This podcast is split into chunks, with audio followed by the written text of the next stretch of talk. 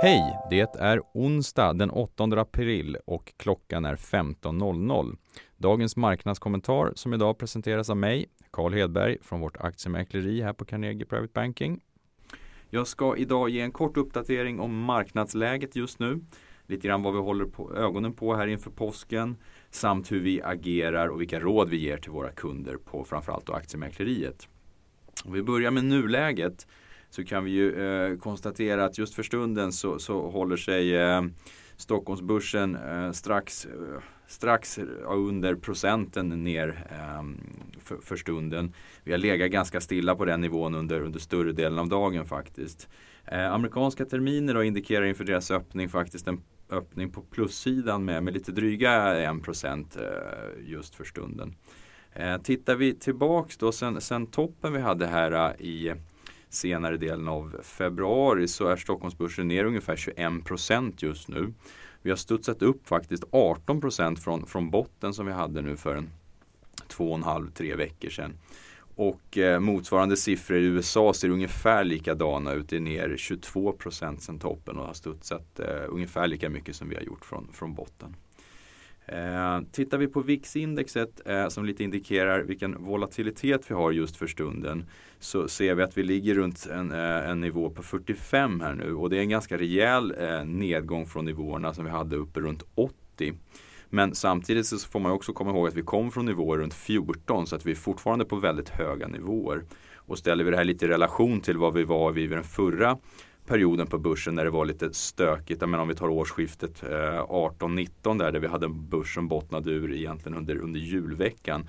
Då var VIX uppe på 35 så att vi är fortfarande på högre nivåer än vad vi var då.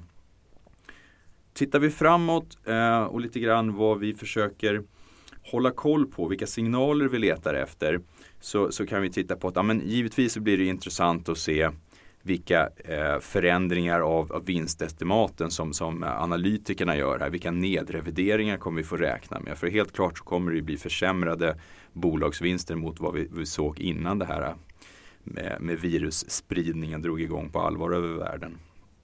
Och dessutom blir det ju intressant att se vad bolagen själva guidar för. Givetvis så är ju den osäkerheten stor för de vet ju inte heller hur pass utdraget det här blir. Men det är ändå intressant att höra för att vissa bolag märker faktiskt av att de är lite mindre påverkade än vad man kanske först skulle tro. Medan många bolag givetvis får en enormt stor påverkan. Så att, eh, intressant att hålla koll på. Eh, utöver det är givetvis virusutvecklingen. Eh, kommer det börja mattas av lite grann? Vi har sett lite sådana tendenser att ökningstakten inte alls är lika stor längre utan till och med mattas av. Även om antalet nya fall ökar så är inte tillväxttakten lika hög längre utan till och med lite avtagande. Eh, men vi har även sett fall att det faktiskt har tagit lite ny fart. Om vi tar Japan som ett exempel så har det faktiskt där från en period att det har lugnat ner sig lite grann så har det tagit ny fart. Då. Så att det här blir givetvis intressant att se hur, hur det här eh, utvecklas för europeisk del och för amerikansk del. Då.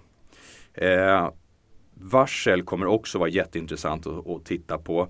Det har ökat dramatiskt här senaste veckorna men framförallt kommer det bli intressant att se om det här kommer spridas vidare och leda då till och med att bolagen får problem. Att vi kommer börja se konkurser som tar fart.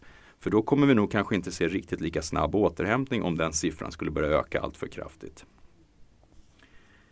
Tittar vi då istället på hur vi försöker agera och vilka råd vi ger. Ja, eh, de kunderna som har köpt lite grann här eh, senaste veckorna med en tro att börsen skulle studsa upp lite grann. Ja, de kunderna, där, där råder vi faktiskt att ta hem lite grann av de korta vinsterna. Öka på kassan lite grann kortsiktigt. För att vi tror att vi kommer få ett nytt tillfälle att gå tillbaks in i marknaden med de här pengarna. Men för de kunderna som är lite mer långsiktiga och lite mer försiktig och inte varit inne och köpt fullt ut lika mycket här, ja, men då sitter vi faktiskt rätt så stilla och väntar lite grann på att vi kan få ett bättre köpläge här under kommande veckor. Vår bästa gissning är att vi får se en liten rörelse på nedsidan faktiskt från de här nivåerna. Tack vare att vi har sett den här ganska snabba uppgången från lägsta nivåerna som, som vi hade här i mitten på mars. Och vad vi då köper, ja det blir ju lite grann de här bolagen som vi har sett ehm, där man börjar från analys sida börja lyfta upp de här till köprekommendationer faktiskt. Mycket med motiveringen att värderingarna är nere på, på nivåer som vi nästan inte har sett sedan finanskrisen.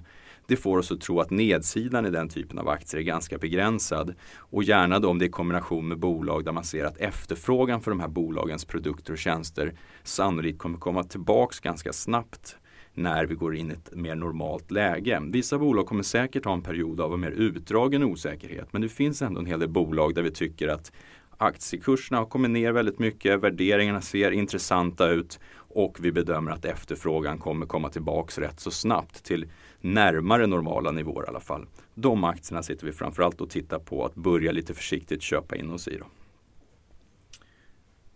Så med det så tror jag att jag tackar för stunden. Eh, marknadskommentarerna är tillbaka efter påskhelgerna och jag önskar er en glad påsk. Tack för att ni har lyssnat.